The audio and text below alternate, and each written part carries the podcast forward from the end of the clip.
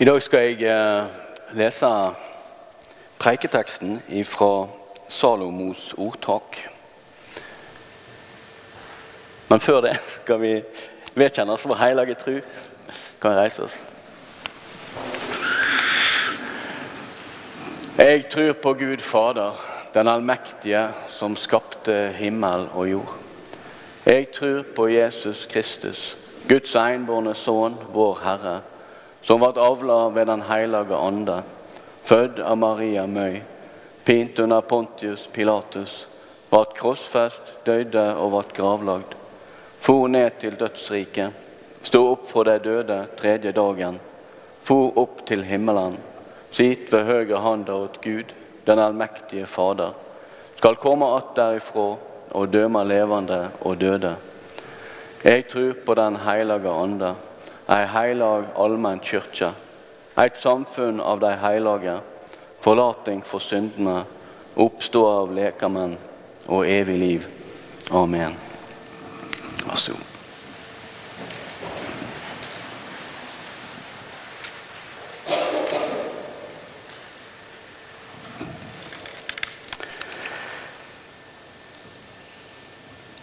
Vi leser nettopp truvekjenninga. Hva tror vi på? Én ting er å si det. En annen ting er å leve etter det.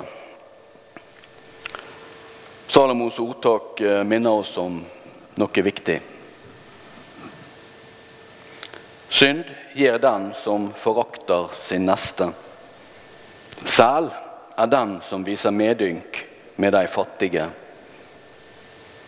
De som tenker ut vondt, får alltid vill. De som har gått i tanker, møter miskunn og truskap. Et ærlig vitne berger liv. Den som fer med løgn, er en sviker. Den som undertrykker den svake, håner hans skaper. Den som hjelper den fattige, ærer Gud.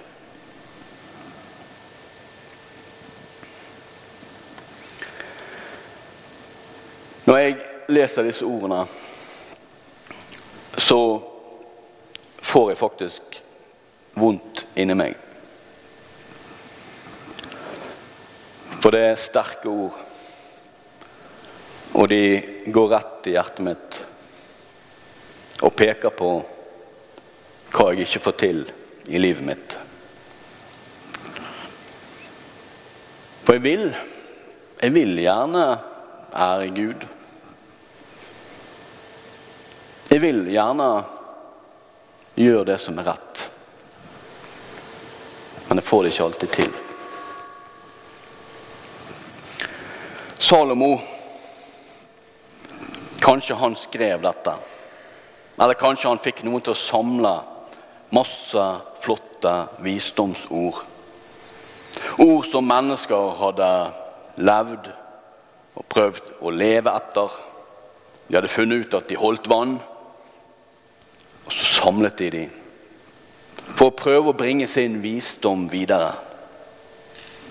Salomo han var kjent for å være vis. Han var en stor konge. Under hans regjeringstid var det fred i Israel i 40 år. Og hva gjorde denne freden? Og hva gjorde Salomos visdom?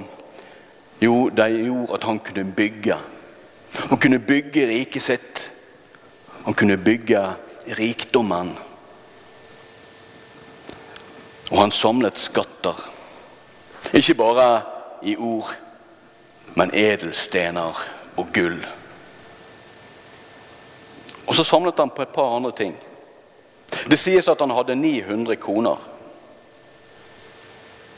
Og de sa at han var vis. Mm.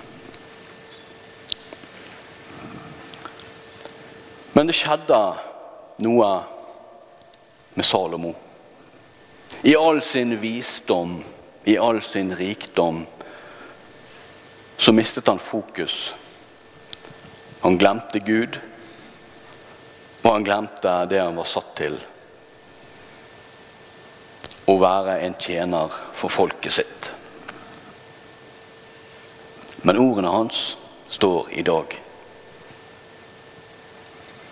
Har vi hatt fred i 40 år? Ja, vi har hatt fred i mer enn 40 år. Og hva har vi gjort? Jo, vi bygger. Vi bygger landet vårt. Vi samler opp rikdom i fond. Og du og jeg, vi nyter godt av freden. Og vi òg bygger. Vi bygger vår egen rikdom. Da blir vi smartere. Blir vi visere? Er vi nærmere Gud? Eller er vi litt på vei vill? Når vi har fred, når vi har frihet, så kan vi fokusere kreftene våre. Og vi har valgt å bygge vår egen visdom. Men hva sier Guds ord? At den er sel. Den er virkelig lykkelig, den som viser medynk med, sin, med de fattige. Er det det jeg tenker på i min hverdag? Jeg må si at hva tenker jeg på i dag? Hva er det hjertet mitt liksom grubler på og er spent på? Det hvordan går det mellom Norge og Danmark i kveld?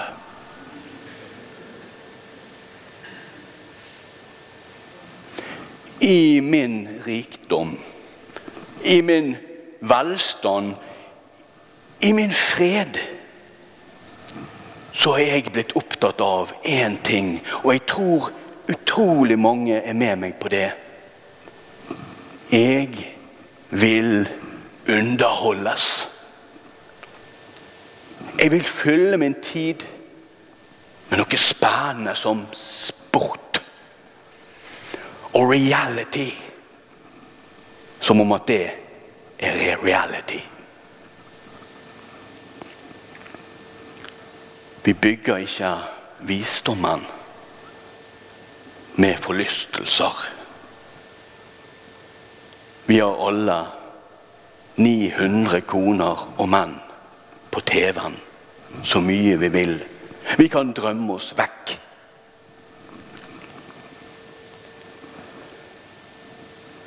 Jesus han viste oss en vei. Når han så en kvinne som var nedbøyd, så ofret han sin anseelse i synagogen og reiste han opp på sabbaten. Han fikk kjeft. Hva er du villig til? å gå i tog for? Hva er du villig til å miste anseelse blant enkelte for? Jeg vet noen går i tog for kvinners rettigheter. Det er bra. Noen går i tog med fakler når det, når det er dårlige tider i sykehusene. Det, det er bra. Men når er det vi som folk virkelig står sammen og reiser oss opp, sånn som rogalendingene har vist oss nå? Jo, det er når det er snakk om bompenger.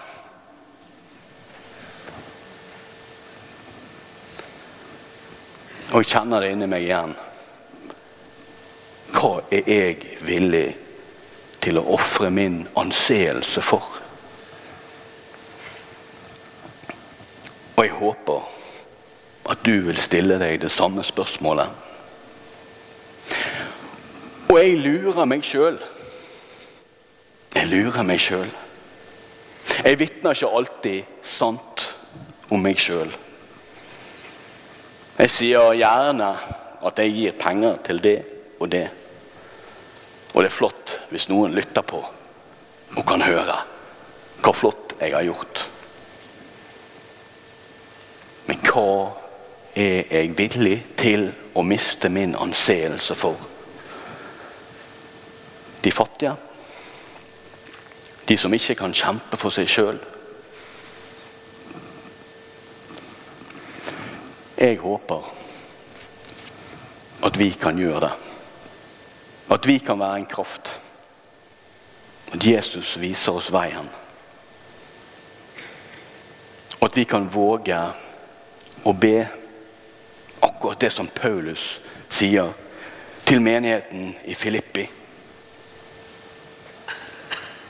Min lengt og mitt håp er ikke at jeg ikke skal bli til skamme på noe vis, men at Kristus nå som alltid skal opphøyes for øynene på alle ved min kropp, enten det blir liv eller død. Tenk. Tenk å tørre å be.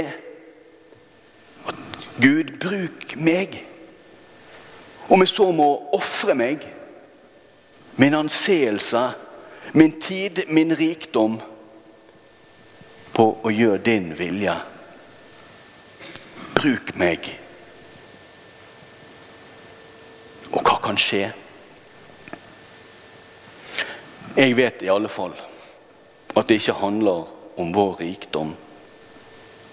For på slutten av 1800-tallet så engasjerte norske kvinner og menn seg i sin fattigdom.